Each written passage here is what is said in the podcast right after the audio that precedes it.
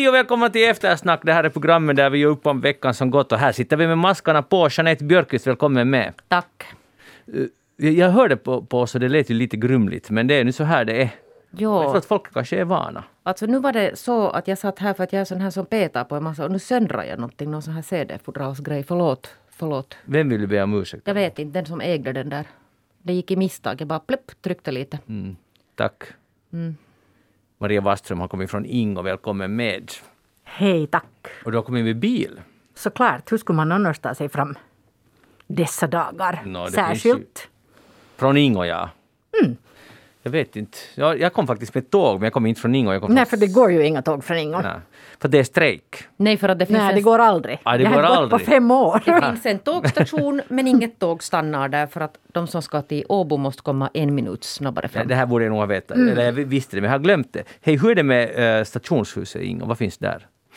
Alltså det finns ju många stationshus i Ingo. Men eh, där som det då senast stannade, Mm. det är sålt.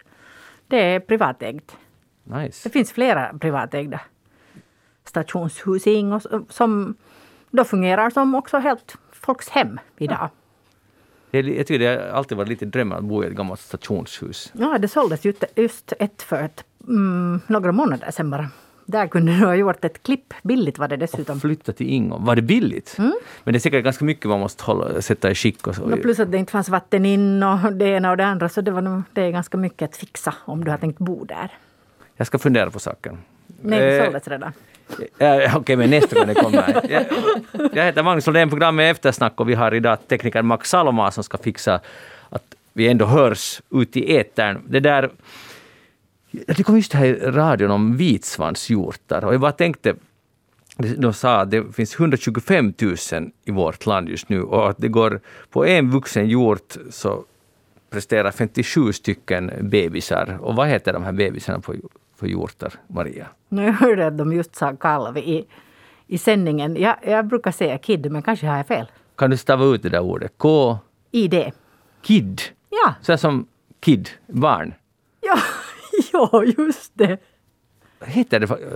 Och nu är det lite oklart vad det riktigt heter. Men Det här vet våra lyssnare, så att gå in på facebook.com eftersnack och, och säg vad det är. Men Västnyland säger KID och den här officiella nationella nyhetssändningen säger kalv. Det kan Ja. nog bra hända att det officiella är kalv. Men i alla fall, tycker ni att det är lite överdrivet att, att liksom prestera 57 stycken kalvar avkomma? För jag kommer ihåg när vi hade i, rad, i radion hade ena fallet den här ena läkaren som lite flippade, jag tror det var i Holland, som såg till att hans spermier implanterades i var det hundratals kvinnor för att han ville liksom, han kände sig väl lite odödlig, att han var så viktig för vär, världsalltet och han såg till att, att det kom en massa av hans avkommor och de här hjortarna tycks nog ha lite samma kampanj på gång. 57 Aha. stycken. Fast jag tror att orsaken är där att det finns så många som producerar de här avkommorna. Det är inte så att en producerar väldigt många. Nej, i och för sig. Men i medeltal 57 stycken. Men man skulle kunna också räkna att hur många fästingar producerar en hjort för att, för att det, de sprider ju ganska mycket de här fästingarna. Ja. Och jag ser det lite, eh, även om jag är en vän av djuren, så det där, så det här, Här är just män. Ja, här kommer faktiskt ett men nu, kommatecken men, och jag tänker inte använda rikssvenska. Samtidigt vill jag säga att, utan men, det är ju också förbannat mycket käk som går omkring där i skogarna istället för den här eh, broileruppfödningen och, och, och de här massproduktionen så finns det i våra skogar nu 57 hjort, eh, kiddar som snart blir vuxna som kommer att i alla fall hälften av dem presterar 57 till. Förstår ni hur det kommer att öka lavinartat mängden kött som vandrar i våra skogar? Ja, kanske du ska bli jägare. No, nu finns Ja. det ju redan nu. Jag menar, och, och det, det används ju hela tiden. Jo, men Till det- exempel det- i min frysbox finns det ganska många. Ja, det finns också i vår frysbox. Nåja. Men, men det är dit jag vill komma, att det borde användas mycket mer Ja, av det men här. vadå det finns ju en flask, mycket mer? Nu flaskhals används där. ju det. No, inte finns det i butikerna så jättemycket tillgängligt. No, men inte det är ju någon som kastar bort det. Nu används det Mm. ju, men det är kanske bara det att det är de där samma personerna som har tillgång till det. ja. Jag tror att han försöker säga att man i högre grad borde jaga dem. Jo, man borde, jag tror det. Jag, jag tror att du försöker säga det som var i, i en nyhet här i några tidningar för ett par dagar sedan. Att folk vill ha tillgång till Vilt. vilt. Ja. Och det tror jag säkert. Ja. Att det är så. Men att vadå vill och vill det? Det är ju bara att, att gå ut och jaga. Men det är det ju inte. Äh, äh, nej, men att bli, då måste du förstås vara med i ett jaktlag och du måste... Och skaffa en jaktlicens. Att du kan, Maria- inte, du kan Ja. inte Magnus bara gå nu sen ikväll dit till Pargas och börja skjuta hjortar. Det funkar, så går det inte. Nej, nej. och jag lovar att jag ska inte göra det. Och de är ju söta. Och, Du vet jag att det inte är så enkelt heller att, bli, att, att komma in i ett sådant jaktlag. Det finns alla möjliga äh, hinder på vägen, men att, att nu går det. Nej, men okej, får jag formulera det så som jag själv skulle vilja ha sagt Ja. det här? Att, att det skulle vara bra, för vilt, det är ju ändå förstås hemskt att någon skjuter de här djuren, det är ju att ta livet av någonting. Men det, då har de ändå levat ganska länge fritt och det, är- det är hälsosammare mat på alla sätt och bättre än att ha så som vi människor nu gör, att vi industrialiserar allting, stora, stora gårdar med och så här. Och istället skulle vi kunna använda det här hjortköttet. Jag vet, du sa just det används, men det finns inte tillgängligt. Det finns någon flaskhals någonstans. Nej, men- så gör att det inte kommer ut i butikerna. Nu suckar du åt mig, men låt Jo, komma. Ja. Nej, men jag, jag upplever att, att äh, det, är ju inte, det är ju inte så att det, att det inte skulle användas, men det är ju förstås ett visst, äh, kanske mindre antal personer som detta är förunnat. Och det är det ju faktiskt. Mm. Äh, och det, det kan man ju tycka olika saker om, så att säga. Men att det används ju. Att inte det är Men- någon som går till spillo. Men nu det där upplever jag att här finns en sån här coronarelaterad liksom vilja att missförstå varandra. Ja. Oj då. Ja, jag tror att ni, det där, ni är båda säkert av samma åsikt att ja, att vi borde i högre grad äta vilt, eller hur? Nå, inte i högre grad, för det, jag menar, man äter ju 100 procent förstås. Jo, där på landet, men till exempel Magnus här i Helsingfors Mm. vill äta alltså istället för att köpa någon sån här massproducerad alltså oxfilé eller från Brasilien Mm. det köper jag nu verkligen aldrig, Nej, men men ja. istället för det så skulle han vilja att där i disken skulle finnas alltså hjortkött Ja, och älg och ren. Nu förstår jag det, men att då är det bort från, från sådana som, ha, som äter det nu. Att inte det är ju så att det inte liksom skulle... Går det inte på export ganska mycket då? Inte kanske av jord, det kan, men ren säkert. Ja, det kan hända. Jag har inte hört om att det går på export och jag har inte heller hört om att det inte skulle användas. Att jag förstår inte liksom... Det är ju kanske så att det finns en stor mängd människor i Finland som inte har tillgång till det, som därför är lite sura. Just det. Men, kan jag uttrycka det så här att jag, det är synd att jag till exempel Ja. inte har mera jordkött. Jag har en del i frysen. Jag Ja, har, jag jag har fixat det. Jag har, jag Ja. har, liksom, vi har sett till att vi får lite. Men, Mm. men, men eh, gärna skulle jag vilja ha mer och inte måste köpa annat. Men att man kan ju vara vegetarian också. Så att det där det är ju helt eget. Men det den finns, här, det är ju du skulle vilja företag som öka- säljer det. Förlåt. Ja. Du skulle vilja öka den här kvoten så att det skulle finnas alltså mera sån här i butiken. Alltså. Ja. Att inte de här Ingoborna skulle ladda allt i sin egen frys. Ja, Ja, ja, ja, ja, jag förstår. Ju, och man tycker ja. att det skulle på något sätt ändå, kanske, men kanske det inte alls skulle räcka till. Jag menar, ja. Nå, eller så måste man bli jägare och sluta gnälla och bli jägare själv. Det är kanske så det Det är är. ju, det är ju lite så att, äh, att det är kanske till och med så att det finns folk som, som tycker att de har äh, väldigt mycket av det. Jägare då till exempel. Och sen kanske de uppfattar att, att det inte är värt att sälja det för att det är väldigt mycket jobb att fixa det. Och, och dessutom så är det ju, går det ju inte enligt äh, livsmedelsregler etc. att Men där är en flaskhals säkert. No, det kan hända att, att någon skulle vilja sälja bort det. Men jag upplever nog att av de jägare åtminstone som jag känner så tror jag att det är många som tycker att de sätter så mycket tid på det här jobbet så att de inte liksom till vilket pris som helst vill sälja det. Nej, nej, och det ska de ju inte göra förstås. Men jag menar, det, att det är någonting då som ändå måste vara fel i systemet. Det, är det det att kunderna vill betala för lite?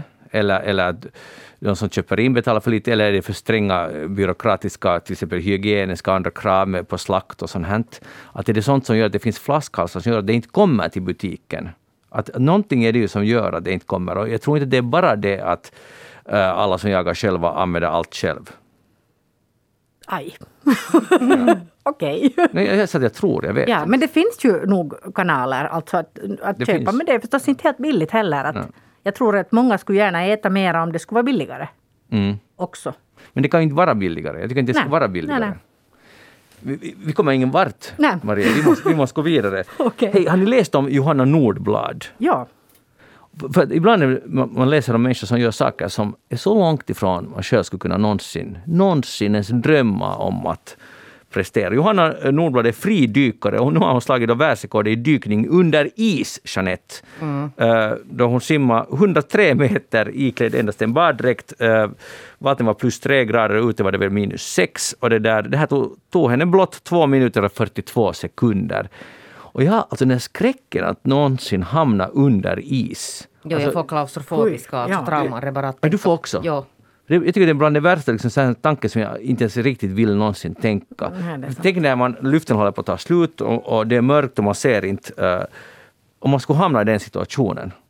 Jag tycker det, jag tycker, alltså, det där mod, eller vad ska man säga, man vet inte vad man ska kalla det. Det är modigt eller är det bara hurtigt eller vad är det att ta sig an en sån där utmaning? Hur långt kan ni dyka förresten? Inte alls under isen. Nej, Nej inte under isen skulle jag nog inte dyka en centimeter. Nej, inte heller. Men vad är, varför är det? Är det klaustrofobin? Vad är det som ja, gör det? Ja, alltså jag tänker den här känslan av att du har alltså någonting så tjockt ovanför dig att om du plötsligt får panik och vill bort därifrån Ja, hui. så kommer du inte. Ja. Alltså, du måste på något sätt ändå veta vart det är du ska ta dig för att komma bort därifrån. Jo, det hjälper inte att banka så mycket där på isen heller. Nej. Och det finns fångat i några skräckfilmer. Jag har sett någon sån scener där man inte kommer ut. det finns där... ganska många alltså såna actionfilmer, ja. att man fastnar under isen. Att man... Uff. Men, men nu är det ju imponerande. Och sen att hon kan hålla andan i sex minuter. Hur är det ens möjligt, Maria? Uh, det vet jag inte. Men sa du inte just att det var... Jo, det tog 2.42. Ja. Men hon kan hålla andan ah, ja, i sex minuter. Okay. Ja, ja, det är nog imponerande. Ja. Det kanske kräver lite träning. Ja. Det kan hända. Mm. No, men så där olika kan det vara liksom med, med klaustrofobi. Hon tycks nu inte ha det. Men det är nog jättetur att vi inte alla vill vara sådana som dyker där under isen. För det skulle kunna bli lite trångt. Ja. Om Johanna skulle få för mycket sällskap där. No, det ska hon inte få av oss i alla fall. Hej, eh, förra avsnittet av Eftersnack så bestämde vi att vi inte skulle tala oss om corona, men det löftet kan vi inte hålla den här gången. Så vi tar en kort dos. Vad tror ni nu om läget efter... Dos? Vad tror ni om läget efter 28 mars? Kommer, det att, kommer skolorna att kunna öppna igen, högstadie, gymnasium och, och andra stadier? Det, eller kommer det att förlängas sen? För det fanns ju ett löfte då om att nu ska inte ungdomen mera få lida. Vi hoppas att de det där håller det löftet. Mm. Men nu har det ju redan kommit signaler om att det där att det där att inte kommer det nu att vara frid och fröjd efter det heller. Och definitivt alltså inte så att, att allting öppnar mm. på en gång. Och nu talades det om att vi måste hålla ut till maj. Och vad det är liksom vi måste hålla ut med till maj så det vet jag inte för att det där samtidigt går det ju den här utegångsförbuds, alltså diskussionen pågår ju hela tiden. Och nu hade ju någon också smält in det här med att, att om det blir alltså då utegångsförbud, vilket liksom på något sätt hela tiden vilar lite där i luften, så ska man stänga Alko då också. Det här hade nu någon på något ministerium också tyckt att var en intressant idé. Så det, liksom, det, det, pågår liksom på något sätt två, två spår här nu. Mm. Det blir ett himla hallå om det här tjänstemannen som uttalar sig om Alko. Och jag tycker bara det, det är ganska intressant diskussion egentligen. Den är ju inte kanske egentligen så jätteviktig att ska nu Alko stänga eller inte. Inte kan vi nu säga att det egentligen är en viktig fråga om vi tänker allt annat som har stängt. Men det här skapar mycket diskussion och det visar också vad som är på ett sätt viktigt. Men det är ju den här att, att den här utegångsförbuds, alltså idén handlar om det att bara sådana nödvändiga ja, ja, ärenden. Exakt. Och då blir frågan att är alko ett nödvändigt ärende? Maria, är det? Uh, en, en rättighet att få supa sig full. Ja, no, man, hör, du, hör du, man måste inte supa sig full. Exakt. Mm -hmm. det, det, är din, det är din bild av... Tolkning, ja. Av, ja. Ja, ja no, alltså själv skulle jag inte lida alls om det skulle stänga. Uh, åtminstone inte för några veckor. Men att uh, nu är det väl uh, i princip, nu, nu, är det väl säkert någon slags uh, inskränkning av något slags uh, rättigheter det också. Men, men det, det som jag tänkte på var faktiskt det här med utegångsförbud. Att jag tror att man egentligen inte borde använda den termen för det är liksom Vänta, så nu vad är det som man säger att det är liksom begränsande av ens rör, rörelsefrihet eller något sånt. För ett utegångsförbud Åtminstone jag så tolkar ju det genast som att man får inte gå utanför sitt hus. Ja. Och inte är det ju frågan om det. Att, att, att, men att det är just det att man äh, begränsar folks rättigheter att röra sig, vilket också är en helt enormt stor äh, liksom, med, eller ett sätt att, att påverka folks liv. Att jag vet inte, först när jag hörde att man diskuterade så trodde jag inte att det var sant. Mm. Men att nu verkar det ju som att det faktiskt är något man diskuterar på riktigt. Ja, no, inga beslut är tagna förstås. Och det har ju varit i flera europeiska länder och annars också ute i stora världen har det ju varit men att jag håller med om det, det där ordet. För det första är det ju felaktigt. vi kan kalla det ett så kallat utegångsförbud, för det är inte ett helt och hållet utegångsförbud. Men problemet med det där ordet är vad är man kallar det, hela tanken. Så tyvärr när jag hör det där ordet, så då tänker jag på diktaturer. Mm. Och, och, och, på något helt otänkbart i en nordisk demokrati. Att, att, det kan inte finnas något sånt. Det kan inte finnas ens någon som funderar på en sån sak. Och då måste man sätta det i relation till uh, är situationen så allvarlig att man ens ska börja tänka på det? Och, och igen, för några veckor sedan talade vi om det. Och jag tyckte då, och helt som nu, att det finns ju ingenstans att gå. Okej, det, man kan gå till Alko, men om de håller Alko öppet och man får ändå gå till butiker, vilket man måste få. Man måste få gå till apoteket. Vissa måste gå på jobb. Så, då, så vad är det då för idé med det här så kallade. Det är inte ett mm. utegångsförbud som sagt, men att man, kan inte, man får inte gå ut efter klockan nio eller man får, man får endast gå med en kompis och jogga. Nej, man fick inte gå med en kompis enligt den här ena versionen. Okej, okay, det finns olika versioner mm. säkert. Att vi bara undrar att vad är det man vill uppnå, förutom att skaka i oss, att vi ska alla förstå att det är kris. Men, men åtgärden är, är extremt radikal. Och jag vet att många i Europa har haft det, de har överlevt det, demokratierna har överlevt. Men nu handlar det om Finland, om läget just här. Ja, om befolkningstätheten i Finland. Ja, vad tycker du Jeanette om den här frågan? Jag tycker ju det där att det är helt, ja, alltså jag verkligen opponerar mig kraftigt mot hela den här tanken. Ja, vi får se hur det, hur det kommer att gå. Inga beslut. Sa, nu håller Magnus igen på att trassla med sin mask. Jag vet inte vad som är in och ut här nu. Det är inte, Nej, lätt. hörni, folk är lätt det här med Nej, de här för, vi, för vissa är det inte i alla fall lätt, om man säger så. Hej, det var en äh, Coop-butik i Norrtälje som hade satt ut en sån här covid-19-skylt där det löd så här. En liten A4 vet ni, som finns överallt i skyltfönstren nu för tiden. Någon sorts instruktioner och så där. Så det stod så här. Eftersom ingen läser våra skyltar gällande bland annat covid-19 så är den här skylten mest att se som utfyllnad. Kanske något att dela på sociala medier, vad vet vi? Så stod det på den lappen och den är nu, vet vi vad som har hänt med den?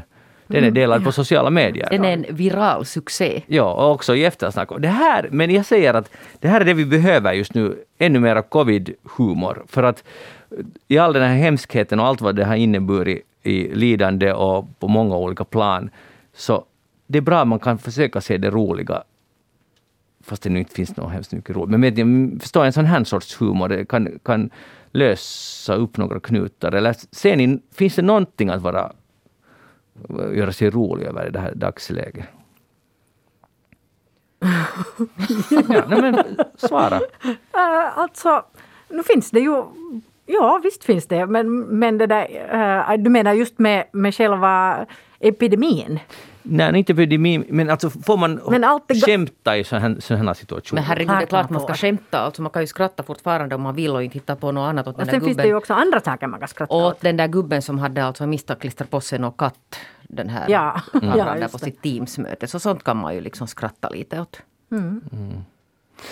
Mm. Ja, ja, jag tror att det är enda vägen att komma vidare i det här. Men okej, okay, det blir möjligen... Jag vill påpeka nu att den här borgmästaren i Helsingfors igår jag läste alltså Iltalehtis den här online-rapportering från Jan Vapavuoris uh, eh, infotillfälle igår om situationen i Helsingfors. Och den sista alltså inlägget där, först stod det nu kommer det lite på, svensk, nej, lite på svenska, punkt. Och sen redogjorde den här reportern som hade suttit där, beskrev då att nu packar han ihop.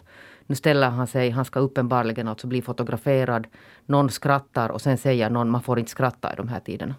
Mm. Det här stod alltså sådär stod det så? rapportering. Jo, det var någon nybörjare som hade varit där. Man brukar inte skriva de här med. men, men man måste ju få skratta. Det är klart man måste det är skratta. Klart, annars förgås man ju. Mm. Nå, eh, ni, har ni en förtro, ett förtroende för att sommaren kommer att bli alldeles annorlunda än vad det nu är? Ja, jag har ett förtroende för det. Jag tänkte också på det. Jag hade äh, kontakt med min kusin som bor i Sydafrika. Och där har de sommar nu. Och där har de jättelite fall just nu. Och då tänkte jag att kanske det ändå hör ihop med det här. Också förra sommaren här hos oss var ganska bra. Eller den var ju nästan som normal kan man väl säga. Mm. Så att kanske det ändå är så att, att det är liksom... Och på alla sätt är det ju lättare att umgås utomhus. Och, och, och nu, speciellt i år, så kommer ändå många fler att vara vaccinerade. Så Så ja, jag, jag tror... de har ju sagt att det där, de påstår att, att till senaste bedömningen tror jag var att till juli ska i stort sett alltså alla eller en övervägande majoritet ha blivit vaccinerade. Ja, svårt att tro, men kanske. Nå ja, men om vi nu liksom försöker vara optimistiska här. Lite. Man måste vara lite optimist ibland också. Jag har också en mätare på den där optimismen som jag, jag absolut har den. För det första, vi har klarat oss, nu är det mars redan. Och, och när vi, jag kommer ihåg när vi började efter sommaren så kunde man ju redan se vart det barkade. Att nu kommer det bli helt horribelt, november, december, det kommer vara mörkt och det kommer att hur ska vi fixa det? Vi, vi hade den diskussionen här. Och nu har vi, vi, vi har fixat det. Och, alltså inte bara vi utan landet, uh, hela världen. Och det där uh, och nu, när mitt, jag kommer från landet, Eh, stugan, och från lerhyddan som drivs på solenergi. Och när vi var där i december, januari, så solen hade inte skinit. Jag tror det var en dag på 28 eller 29 dagar som hade solen varit framme. Så de här batterierna var ganska tomma. Vi fick inte ut mycket mer än lite belysning. Och då, det var så här, jag upplevde att det var liksom, nu är vi längst ner, så här symboliskt alltså. Och nu när man är på landet så solen bara strålar ut och det är långa dagar och det, och, och det är helt så att vad har hänt? Så här mycket ljus och, och, och man kan vara ute till, nästan till klockan sju. Och, och det är ändå dagsljus. Så jag ser det här som en symbol. Det har vänt. Det måste vara så här. Men, men jag upplever att hela februari var ju soligt. Ja. Var det inte? Ja, men Redan a- mera än, än tidigare. Alltså, det har faktiskt varit ganska fin vinter nu och, och, och mycket sol. Så det finns, det finns hopp. Hej, eh, jag vill tala om Biden och Putin. Eh, Biden, USAs president, gav en intervju här i veckan till ABC. Och, och då berättar han om, om han kallar ju, eller han bekräftar på en direkt fråga att om han ser, betraktar Putin som en mördare. Och då, då bekräftar då Biden, det här det är ganska hårda ord. Um, men sen berättar han vidare om, om ett möte han hade haft med Putin för några år sedan. Då hade Biden sagt till Putin att ungefär att när jag, i dina ögon, när jag ser dig i dina ögon så ser jag att du har ingen själ. Och då hade enligt den här historien Putin svarat att vi förstår var, varandra, typ att i så fall förstår vi varandra. Och nu, vad jag vill diskutera är det här att säga till en annan människa att, du, att jag ser dina ögon, du har ingen själ, det är ganska hårda ord.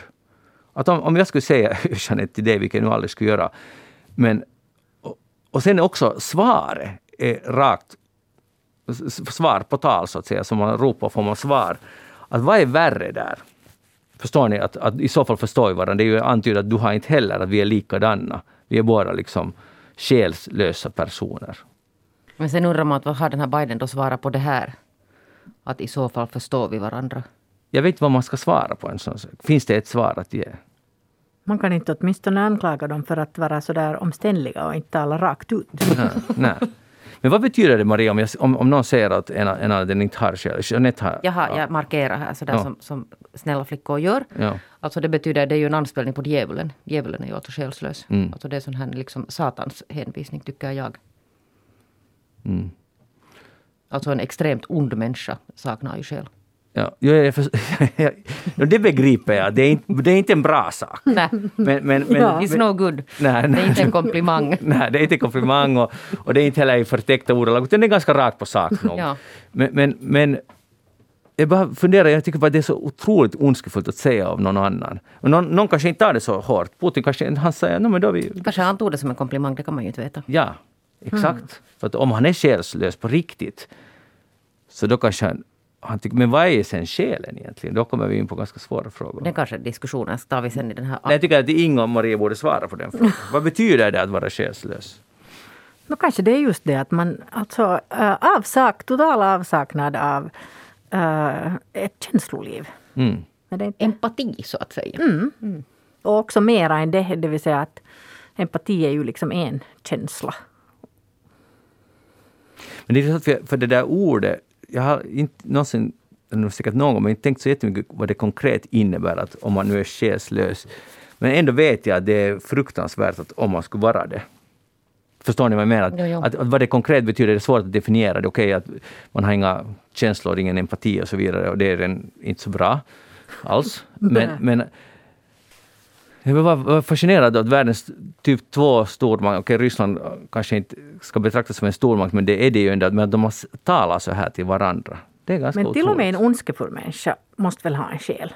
Ja. Alltså jag det där lever ju nu här i den här Harry Potter-världen för vi håller på att läsa Harry Potter 5 och jag tänker ju genast på, på Voldemort och de här dementorerna som vaktar den där Azkaban-fängelse. Där Ja. är ju liksom den här på något sätt nu sinnebilden av, av ondska och själslöshet. Så det är bra att vi fick, vi fick det definierat. Nu. Ja, Harry Potter. Harry Potter, det finns Bra alltid, referens till allting. Men vad tror ni om, om den här metoden som Biden... Nu, nu har det också, nu, de har möte i Alaska med Kina och, och, och det är hårda ord från båda sidor. Att Biden har valt en helt annan taktik än Donald Trump som ju var snäll oftast, men inte mot Kina alltid. Men han, sen när det fakt, verkligen gällde så gjorde han sen, hur ska vi säga, han sa en sak och gjorde kanske inte alltid på samma sätt, men- Putin var han ganska snäll generellt sett. Nu har Biden valt hård linje. Vilken linje ska man välja? Det där, är inte den här Biden känd för han, han ser ju så där, så där på ytan så där när man ser och, och följer med så verkar han jättemild. Alltså en mild och sån här på något sätt liksom landsfader på ett helt annat sätt än den här Donald Trump. Men han lär ju vara sån här att, att han släpper nog sen ur sig ganska rakt och ibland kanske lite i misstag rakt. Men han lär ju också vara en jättebra förhandlare och då måste man ju tänka sig att han att det är alltså, han, han ha- har ju valt den här linjen av någon orsak som han tror att fungerar bättre. Så, ja, På det, ett sätt kanske lite förvånande med tanke på att om man ska ha en diskussion äh, med Putin så kanske man har tänkt nog igenom vad man ska säga. Att det är nog inte bara något som kommer sådär från i stundens hetta. Biden säger ju alltid det ena och det andra. Han Ja, ju han gör det. det han där- gör det, men, men, i jag, kan, här fall. jag kan nog på något sätt så kan jag nog föreställa mig utan att nu personligen känna den här Vladimir Putin så kan jag tänka mig nog att man behöver tala till honom på ett visst sätt för att det ska gå hem. Mm. Ganska raka ord. Ja. Det är möjligt det är på det viset. No, ni har, nu hoppar vi. Har ni, ni har helt säkert satt er in, mot den här, mot, in er i den här diskussionen om hat mot kvinnliga politiker. Eh, Natos strategiska kommunikationscentrum Stratcom, som är placerat i Riga i Lettland, har undersökt eh, Twitter under var det tre månader i våras, från mars till juli 2020, finländska Twitterkonton och undersökt hur våra politiker, eller de som sitter i regeringen, hur de har blivit behandlade på Twitter. Och ursprungligen var då tydligen tanken, och det var beställd, eller ursäkta, den var inte beställd, var det så att det var föreslaget av Sipilä, Sipilä-regeringen redan under den tiden. Och sen byttes tematiken. Uh, ja, de skulle undersöka påverkning av val. ja, utifrån, alltså från ut, utrikes. Och sen har de inte hittat belägg för det och bytt sen tema. Så nu handlar det istället om hur våra politiker blir behandlade på Twitter. Och, nu, och det är inte då tydligen så att det är inte beställt av statsrådet här, utan tema är föreslaget härifrån, men den är inte finansierad härifrån. Stämmer det här? För det här är ju det redan som man grälar nu redan om. Ja. Att, men så, vad jag förstått så är det ungefär så här det har gått till. Och, det där, och jag har läst en ganska stor del av den här undersökningen. Det skulle vara bra att alla skulle läsa den eh, om man orkar och är intresserad av frågan. För det finns redan på den här, bara en dag ungefär, har det kommit upp så många olika tolkningar och alla går emot varandra så att säga.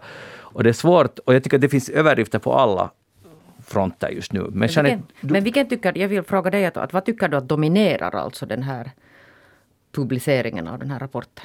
Vilken, li- liksom, vilken det beror på vilka medier man läser och vilka konton man läser. Men, men, och framförallt vilka kommentarer man läser. ja, vilka, men, men, Men om vi tar den här helt offentliga. Liksom. det börjar med eh, Politico eh, i sin europeiska version, den här eh, tidskriften, nättidskriften. De fokuserar på hatet mot kvinnliga politiker. De, de nappar ju på den, på den grejen. Nu tycker jag det har spridits sen i finska medier. Men sen har det kommit diskussion om, om att, eh, att är det nu verkligen så? Är det, är det råka, är, det, bara- är det bara en slump, eller ska vi säga att beror det på att alla ledande kvin, ministrar är kvinnliga i Finland, det är därför kvinnor har fått utstå mera hat och så vidare. Ja, och så har det kommit hela det här att spåret med den här att man börjar alltså ifrågasätta att vad är den här nu, att det är liksom någon NATO, NATO-rapport, att varför har det där NATO. Vad jag nu har följt med så där ganska semiaktivt igår det här och jag har också skummat alltså den här rapporten. Och vi har också en liten debatt där på vår Facebook-sida Eftersnack. Mm.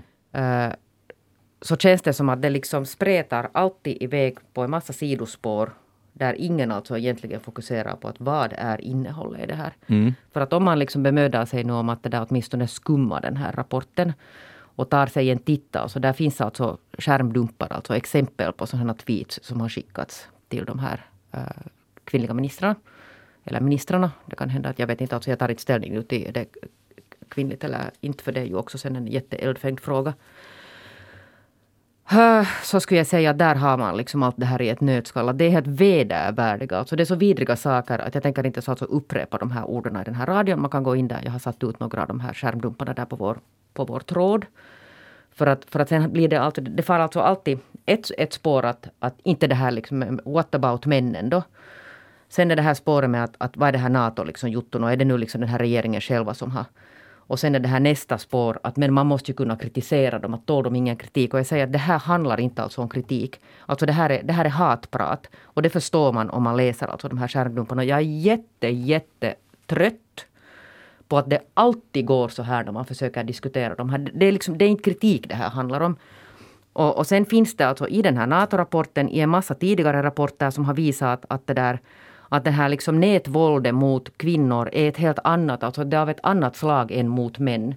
Att, att visst är det så att, att är man i en offentlig position så får man en massa alltså skräp, alltså en massa, alltså helt, helt oacceptabelt mycket, alltså osakligt skit så att säga. Mm. Men när det gäller kvinnor så går det liksom på ett helt eget, det är jättesexualiserat det här våldet. Det är otroligt alltså fula ord, det är hot om våldtäkter, liksom önskan om att, att, att de ska bli våldtagna. Det är liksom, det är helt vidriga saker. Och, det där, och, och av någon underlig orsak så hamnar diskussionen aldrig där. Det får alltid åt något. Sen tar ingen i den här kärnan. Att vad det egentligen handlar om. Att det är inte några överdrifter och det är inte liksom någon, någon sån här känslighet för någon kritik eller något sånt. Här. Utan det är att, att ska man behöva leva med sånt här, sånt här bara för att man till exempel är en politiker eller en journalist. Det var någon som konstaterade att det här börjar ju att, att det börjar rikta sig mot kvinnliga journalister. Och sen har det spritt sig forskare, politiker, you name it, alltså som agerar någonstans i, i offentligheten. Mm. Så.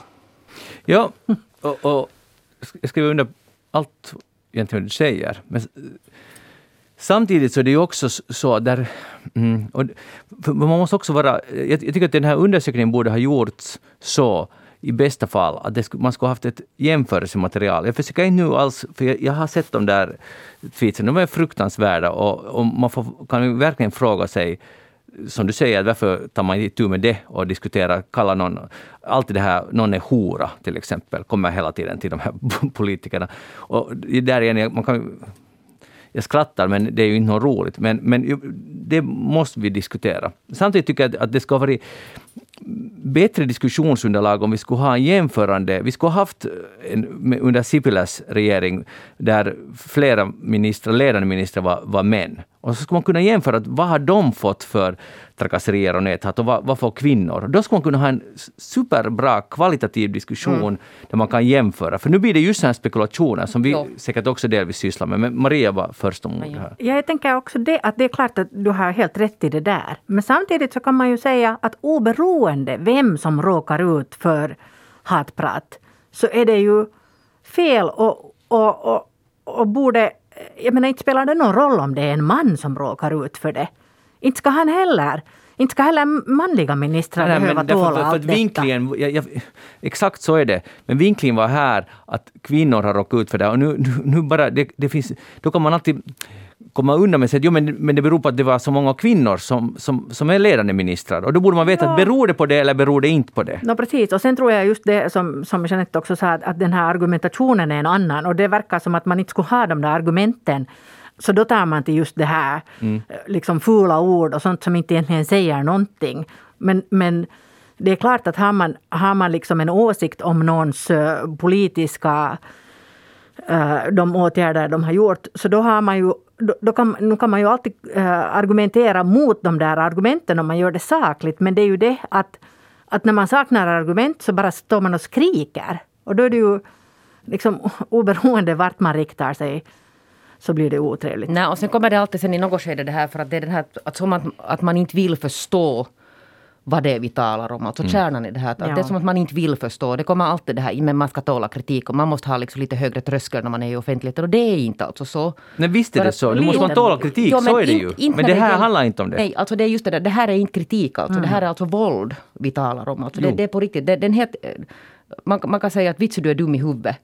Och det kan nu kanske vara på gränsen. Men sen alltså när man börjar hota med liksom jättesexualiserade alltså sådana här trakasserier. Så det är inte, alltså, det är inte kritik att, att vi måste liksom på något sätt hålla de här helt separat. Det här är våld. Mm. Men handlar det inte då just om det att man saknar de här argumenten och så är man bara på något sätt frustrerad och så har man jättedåligt självförtroende och så måste man på något sätt ösa ur sig för att då kanske hävda sig själv eller något sånt. Här. Och därom tvistar de lärda men det finns ju också de här teorierna om att det här är ju alltså ett sätt för det här är ju alltså ett hot mot yttrandefriheten. Så är det nu bara.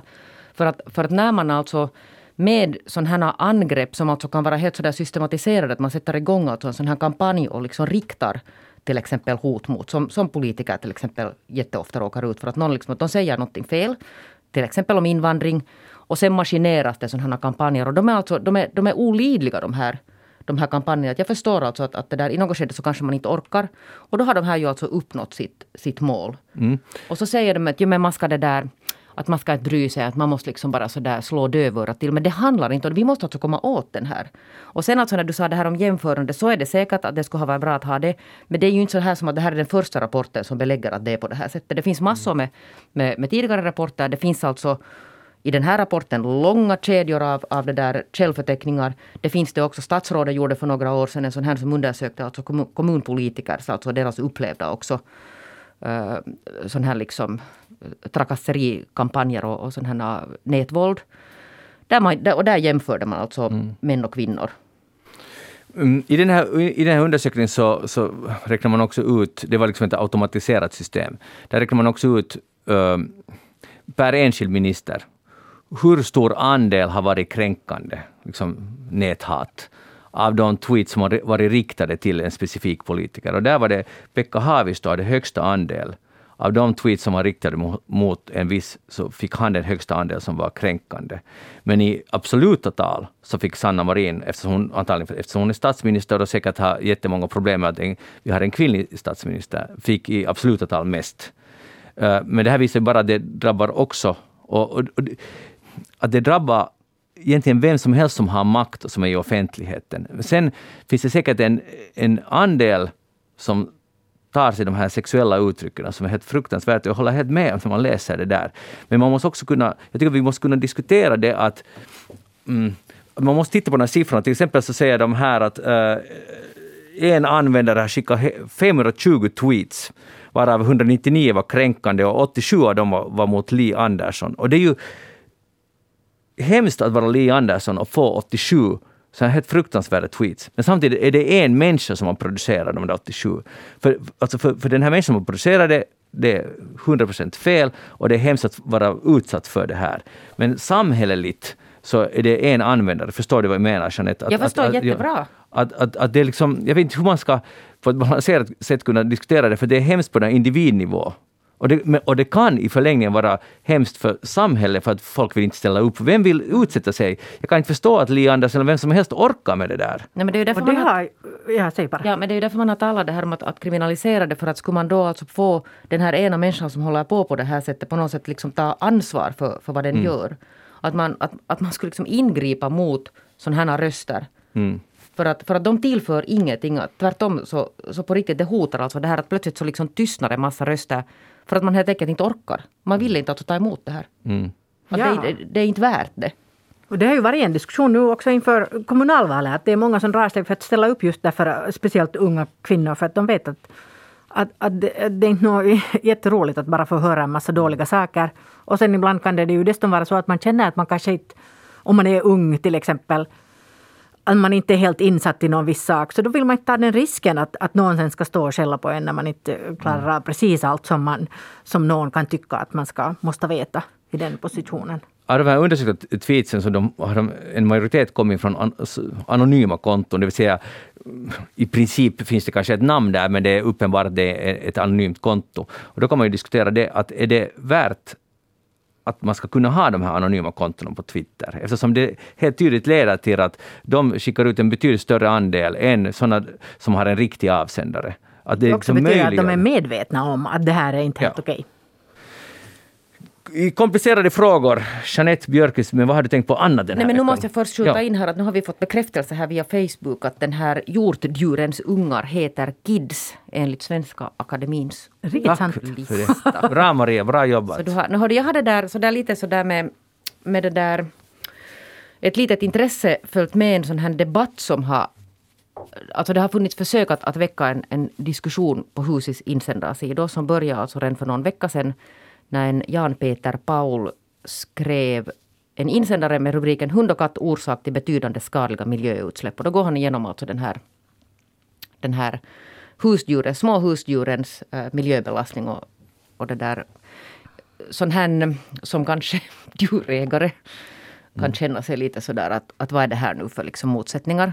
Och sen reagerar inte någon på jättelänge äh, tills någon, en kvinna som, som, jag säger nu namnen här, det har ju varit insändare, Eva Hannus, skrev ett försvarstal att det är klart att, att människor ska kunna ha katt och hund för att, för att de gör en massa andra bra saker än bara belastar alltså miljön. Det finns alltså, det helt, jag sökte faktiskt reda på, det finns alltså helt uträkningar på att det är helt sant att djurmatsindustrin till exempel orsakar ganska mycket. Varför det? Nedsmutsning. Och det är ju sån här köttindustri som... Men, ja, det är nog oftast eh, liksom restmat. Det är nog inte något biffar som, som går till det, djur. Det, det finns nog alltså något. Ja, men säkert. Jag menar, allt, liksom, allt vad vi gör är ju på något sätt ja, men den här, Den här ursprungliga alltså, insändarskribenten var alltså då av den åsikten att, att varför ska han finansiera nu liksom det här att, att människor går omkring och har sådana här miljöförstörande alltså element där i sitt hus. Jaha. Och så kom det ett försvarstal då till katten och hunden och sen var det idag då, nu fortsätter den. Den, är ganska sådär sporadisk. Det verkar nu inte riktigt som, som att den skulle ta fart den här. Där, där den här ursprungliga insändarskribenten då får medhåll. Och, det där, och nu, nu är liksom konklusionen i den här debatten är det att, att man borde betala skatt för att man har sån här, lite sån här liksom typ klimatskatt för sina mm. Så var det ju förr i världen. Nu betalar man hund, men det var knappast för klimatet. Nej, alltså, jag, jag, jag, de har ju avskaffat den, här hund, avskaffat den här hundskatten i Helsingfors så tror jag de flesta andra kommuner. Uh, för att det lär ha varit alltså dyrare att, att mm. driva in den. Än att, och katter har ju aldrig varit skattebelagda. De har man bara och ingen vet om var det mm. finns några katter och så här. Men det där, sen måste jag säga att alltså kontentan i allt det här, nu kan man ju vara av, av vilken åsikt man vill och jag är ju helt klart har ju valt sida här mm. i frågan om Och vilken den sidan? det är förstås att man ska kunna ha djur mm. hemma. Alltså det, det liksom, man kan inte bara nu se på, på allting riktigt ur den här synvinkeln. Men den här, men den här kontentan i det här att, att för att här finns nog en sån här jättehärlig alltså sätt att, att försöka bygga upp motsättningar igen känner jag. Mm. Förstår ni? Att, att och det, det funkar liksom, alltid. Ja, det, jo, alltså nu har det ju lyckligtvis inte funkat så jättebra för att i princip så skulle man ju kunna tänka sig att det skulle ha gått liksom hus i helvete så att säga. Att, att människor skulle ha blivit helt tokiga och så har det alltså då inte gått. För jag satt redan alltså då för några veckor sedan och tänkte att borde jag nu ta upp den här saken alls att kanske man, inte, kanske man bara ska tiga ihjäl en sån här insändare. Antagligen är det lite så som folk har tänkt att de har tänkt åh igen någon Ja. Ähm, som, ja. som försöker få till stånd något. Liksom man, man, man vill inte gå med i det där. Ja, och det är, liksom på något, det är nog jätteintressant det här att, att, att det finns ju ingenting som man inte kan alltså hitta sen på att man Nej, precis. Och det är, liksom jag menar, jag hörde också nyligen någon, att, att, man skulle kolla klimatavtrycket från någon symfoniorkester och så skulle man jämföra den med sportevenemang. Och det är liksom, ja men här också, då man liksom den här kultur, ja, kultur Varför gör man sådär? Att nu måste vi ju få leva också. Och sen är det jättelätt att om man just inte tycker om symfoniorkestrar så då vill man gärna att just mm. dem att just de ska undersökas. Eller att om man tycker eller man att, inte att det är liksom... hundar och katter. Ja, eller kor eller Nej, har... andra djur. Det är liksom lätt alltid att skylla på alla andra. Förstås. Och det är det som det, det handlar om säkert i det här fallet också. Eller den känslan får man. Uh, och, det, och där är något som... Det är, någon, är det en coronaeffekt? Jag vet att människorna har det här draget, vi har det per definition, vi får det och så måste man kämpa mot det om man orkar och det hoppas man man gör. Men här, så, under corona har vi haft alla, vi har tid att sitta hemma och fundera och vems är, allt, vems är felet? på allting. Och då kan det vara det symfoniorkestern som får skiten, eller så kan det vara hundägare. Och alla de här har, som ni säger, har det gemensamma draget är någon annans fel. Mm. Och, och det här är superallvarligt. För att för jag kan inte fatta att man, att man att man sitter där och funderar. Jag, jag, jag till och med orkar, fast jag, helt, jag tycker att vi borde flyga mycket mindre. Men liksom, att gå omkring och, och, och, och försöka förändra alla, så att ni, ni får inte flyga. Och liksom, man, är en man, man, är en moralisk riddare där. Det funkar inte. Utan det enda vi kan göra är att vi, vi kan via lagstiftning till exempel med flygande, att det måste vara bättre, renare att flyga. Mm. Och det kan, kanske det måste bli dyrare. Och kanske symfoniorkestrarna borde själv i så fall fundera, hur kan vi göra det här bättre? Vi måste lita på att de, de fixar det. Förstår ni vad jag menar? Och sen hund och kattägare, tänk, tänk hur mycket positivt en hund eller en katt ger till sina ägare och till det här djuret. Det är helt liksom omätbart, både i, nästan i klimatfrågan och i, och i um, pengar.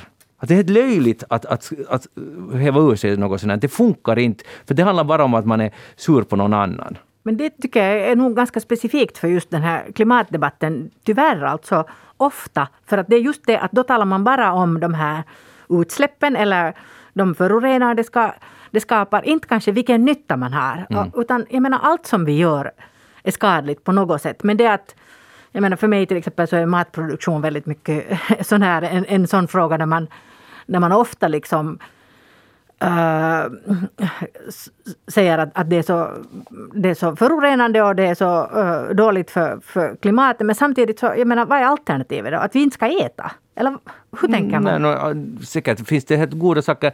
Man kan ju säkert minska på köttätande. Man kan, uh, nu finns det saker man kan göra.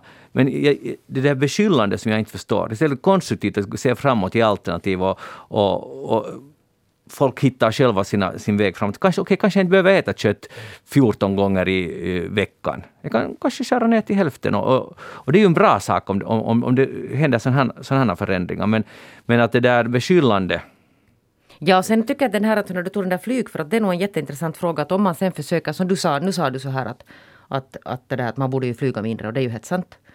Men sen alltså när du försöker säga det så då kommer du att bli alltså, du kan bli attackerad sen. Ja men du flyger ju, du, du, du har ju liksom bevisligen talat här då i eftersnack om att du flög då vet du att, mm. att varför flyger du då? Och så blir det så här liksom jätte alltså an, anfall. Att mm. det är ju inte så där som att, att man inte skulle någon gång flyga själv men kanske man behöver tänka efter att vilka är sådana här nödvändiga resor. Ja. Till exempel alltså så var det ju före corona, det har ju coronan om man ska se någonting gott i den så tror jag ju att den kommer liksom att, att påverka på riktigt de här sådana här massa alltså onödiga flygningar. Ja. När stora mm. företag har haft sådana att, att nu ska vi ha ett möte med, med gänget där i Tokyo, så då flyger vi alla dit och så sitter vi där i någon något hotell nära flygfältet och sen flyger vi vidare till Singapore där vi fortsätter ja, alltså med möte.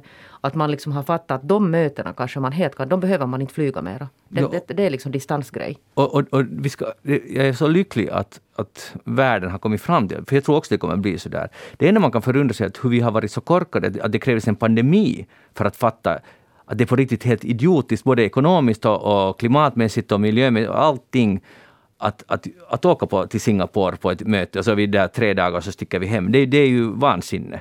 Jo, och sen alltså därmed inte sagt att det där, men, att man, jag säga, jag, nej, bara att, att man kanske man en gång behöver åka till Singapore. Jo, att resa är en bra sak. Kulturer möts. Det, eh, man får nya intryck. Man, man är nyfiken på omvärlden. Det, man får inte sluta att tänka att resande är super, super bra och supernyttigt. Men man, som du sa, fundera på vilka resor som är de där viktiga resorna. Maria? Ja, no, det, ja no, egentligen så är det väl just det också som jag tänkte. Bland annat så var det redan kanske eh, i den här, var det i Kuukausi lite som när Hanna Nohinek var för någon vecka sedan. Och då talade hon också just om det här att att det finns ju nog en viss idé också med de här middagarna där man sitter och, och umgås med, med liksom forskare i det här fallet då världen över och utbyter tankar och allt sånt här. Att inte det är ju bara det att allt går att ersätta mm. med, med liksom digitala möten. Att, att det är väl kanske ett mellanting. Att ja. man måste hitta just det där att, att, att vi plockar bort vissa av de här mötena men inte alla. Nej men precis så är det ju.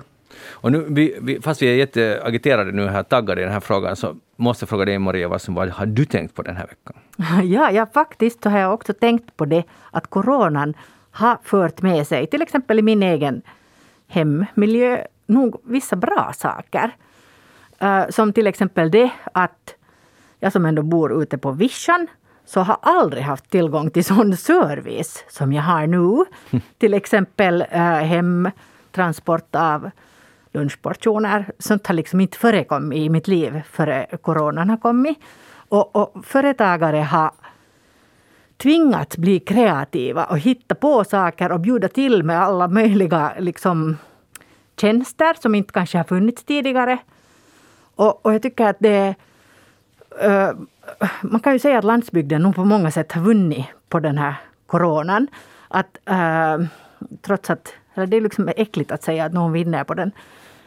Men, men sådana här små bybutiker till exempel där det är mycket uh, sommargäster annars som nu plötsligt dyker upp som svampar. Mm. Så det är ju nog, det är liksom många bra saker också som har kommit. Och jag tycker att man har aldrig sett folk som vill understöda liksom lokal service så mycket som nu. Och, och det där att um, det är en, en märkbar förändring och det tycker jag att det är lite fint faktiskt. Och kanske det är så att, att det ska liksom till någonting lite jobbigt för att man också ska, ska bli lite kreativ ibland. Ja, och det där är ju, en, det är ju provocerande. Ja. för att det finns nog många företag som inte tycker att det är så... Så är det. Extremt många företag som inte tycker att det är så roligt, eh, och jag hör till dem. Eh, vad, det, det, dessutom måste jag tillägga här att ja. Eh, statistiken visar att det har det har alltså bildats flera företag i år än året innan. Alltså i fjol, 2020, mm. än året innan. Så folk kan nog liksom hitta på. Ja. Och, så det måste ju ligga någonting i, i det där. Att, att hårda tider liksom, det tvingar en att fundera och fundera om och hitta nya lösningar. Men det är inte så roligt för dem som blir på fel sida. Nej, så är det. Och det är ju många nog det också. Ja. Men, men alltså, för det kom också i radio den här veckan, jag lyssnade på Yle Vegas, där var det snack om det här med landsbygden, hur den faktiskt det håller på att förändras. Och, och tänk på, på, på, alla möjliga politiska beslut man har försökt fatta. Centern har suttit i regeringen. nu ska vi stödja glesbygden och nu ska vi fixa det och säkert med något stöd också av SFP har man jobbat på det här. Och, och man har inte fått det har liksom varit nästan en o... Man har inte kunnat göra någonting. Alla vill till storstäderna. Och vi, kan, vi liksom sträcker upp händerna, vi kan inte göra någonting åt det här. Och bostadspriserna rusar i höjden i storstäderna just därför, speciellt i Helsingfors, men också typ Uleåborg och andra städer. Och nu kommer det här som en pandemi, som plötsligt fått till stånd allt det där som, som var omöjligt att, att och man trodde att människor inte vill. Ingen, ingen vill bo på landet mera. Alla vill bo i stan. Och nu är det inte så. Nej, folk har blivit också klokare. Nej, men, handlar det om vishet, Maria? Nej, utan det, det, handlar ju förstås om det att man har liksom ett helt annat utrymme uh, rent fysiskt ute på landet. Man, ja. man, har liksom, man kan öppna dörren och ha oändligt mycket plats. Uh, det är ju totalt skillnad från att bo i en lägenhet inne Oj vad jag älskar att sitta och trycka där i vår lägenhet. Ja. Sen vet man att där finns ändå en liten butik öppen 24 timmar om dygnet om jag plötsligt mitt mm. i natten får chokohimo. Jag, jag älskar att bo i stan. Men ja, ja, men nu är det många som kanske har insett att, att, det, att de inte just älskar den saken av det hela utan att det, det är kanske det här att man man behöver också kunna gå ut och se naturen framför sig och, och ha den precis bakom hörnet och kunna öppna dörren och vara där. Då hittar man natur sen om man tar sig lite utanför stan också. men, men, men är det inte bäst att det finns, de här båda möjligheterna finns? Eh, Jeanette kan bo där var hon jo, vill. Jo, alltså det är klart och, att hon gärna får älska det. Ja, och hon, hon måste betala lite extra pri, premiumpris för, det, för att älska den där sin lilla lägenhet. No, jo, fast å andra sidan betalar man ju nog kanske på andra sätt också. Jag, jag har Hur också insett många människor, eller träffat på många människor som först sen när de flyttar ut till landet inser att det är inte så där bara att du ska faktiskt då äh, skotta din egen gård eller, eller så går äh, värmesystemet sönder och det är inte så att du ringer till någon. Eller vattnet fryser. Ja, att, att, att, att det är ju nog många saker som är kanske också lite jobbigare faktiskt att bo på landet. Mm, ja. Men okej, okay, vattnet fryser, det är inte så roligt. Nej, men... vet du vad, alltså det där, jag, har ju, jag säger nu till mitt försvar, jag är ju uppvuxen på landet och jag vill aldrig flytta tillbaka dit igen av den orsaken. Ja. Och, och, då är ju, kommer vi in på det här klassikern Finland som lotterivinst att ja. bo här. För att här, tänk nu, alltså, här finns alla de här möjligheterna. Alltså, man, man, kan faktiskt välja hur man bor. Och förstås har inte alla råd att bo som Jeanette. Men att det där... Det finns många ändå bo i en stad. Det finns många städer där det inte är så dyrt att bo i, om man vill bo i stad. Och sen kan man bo som Maria och skotta sin egen snö och sköta sina vattenrör själv, om man så vill. Att nu är det ganska fint att finns det här. Ja, kanske det är därför som vi nu blev då igen en gång utsedda till världens lyckligaste folk. Ah, det är det som det allt handlar om. Mm. mm. Hej, brukar ni, nu hoppar jag lite, lite men rondeller. Ja. Jag, jag har tänkt på rondeller väldigt mycket den här senaste tiden. För jag har suttit lite mer i bil under coronatiden och, och jag har åkt till sådana metropoler som Hyvinge och Jämsä och andra där det finns väldigt, väldigt många rondeller. Och det är ju en diskussion, det är någon sorts EU-policy. Men vad är det med folk när de sätter på blinken när de ska ut? Det ser du, jag tror att det, där, det är på något sätt den här rondellkulturen har inte riktigt ännu det där. Nej, men, Vi har byggt alltså en massa rondeller i Finland. Men vi har liksom inte riktigt ännu anammat den här rondellkulturen. Och det ser man ju bland annat på det att det, där, det finns en massa sådana här stora rondeller som alltså är försedda med trafikljus. Ja. Alltså det vill säga det, det är två saker som inte ska kombineras. Alltså hela Mm. idén med rondeller är det att, att den liksom på något sätt för den här trafiken framåt. Inte att man sen ska stoppa alltså folk där mitt i eller att ta sig Mm. in i en tom rondell. Så där, där alltså hade den gått på tok. Men det är väl vissa rondeller är för stora för, sig, för sin eget bästa och det är just där det måste sättas en trafikljus för det går inte annars. Annars kommer man inte in i rondellen för att om man kommer från en mindre väg. Men det är nog på tanken att om man kan bete sig i en rondell som är alltså rätt planerad, för det finns ju också en massa dåligt planerade stora rondeller som är alltså bara helt enkelt roddiga. Jag har ju kört alltså jättemycket i England som är sån här rondeller. Där bekantade jag mig första gången. Det fanns inte rondeller i Finland då. Men vi körde omkring hela England med bil. Vi visste inte då att det var så förorenande och dåligt. Så jag Shame! Lärde, shame on me. Så jag lärde mig alltså köra i rondeller i England. Och där funkar det jättebra. Då talar vi alltså om städer som Manchester som är ganska stora. Maria, sätter du på blinken när du ska ut ur en rondell? Absolut, ja. Ja. Samma här förstås. Men vad är det, var, var, varför Men gör gör inte folk det? Jag vet att folk blir upprörda över den här saken. Jag är jätteupprörd, över- eller jag är nu inte så jätte, men, men jag blir lite irriterad för det är liksom en hygglighet mot de andra. Men det är klart det. Alltså det, man ska, men alltså de, alltså det är ju inte bara rondeller. Människor är ju annars också ganska dåliga på att använda blinkern Ja. i detta land. Och det är något som vi kanske inte Det är måste som jag brukar säga att om inte man har betalat sig du hela bilen ännu så kanske den där blinkern är obetald. Ah, det är det det beror på. den. Ja, inte det omöjligt. Men eh, det är nu min upp- För jag tänker så att eh, det, är liksom, det visar lite um, hänsyn. För att när man väntar där på att fara in i rondellen, om man inte sätter blinken, blinken på så kommer man liksom inte in i den. Du måste åka till Sverige och köra lite bil för där är de Sen brukar ju jättevänliga i ändå trafiken. blinka också när de kör in i rondellen. Nej, det behöver man inte göra. Nej, men många gör det. det, det är liksom, det är, då, det är liksom lite Men så här, bättre för mycket än för lite. Nej, inte när man ska in, det är amatör. Men, men nu, nu känns allt mycket bättre när jag fick ut, utlopp för det här och nu är jag nöjd och glad. Jeanette Björkqvist, tack för att du var med i Eftersnack idag. Maria Wasström, tack för att du var med. Jag heter Magnus Lundén. Och diskussionen fortsätter på eftersnack, eh, nej, facebook.com eftersnack eller e-posta oss på eftersnack. Ha det bra, hej då!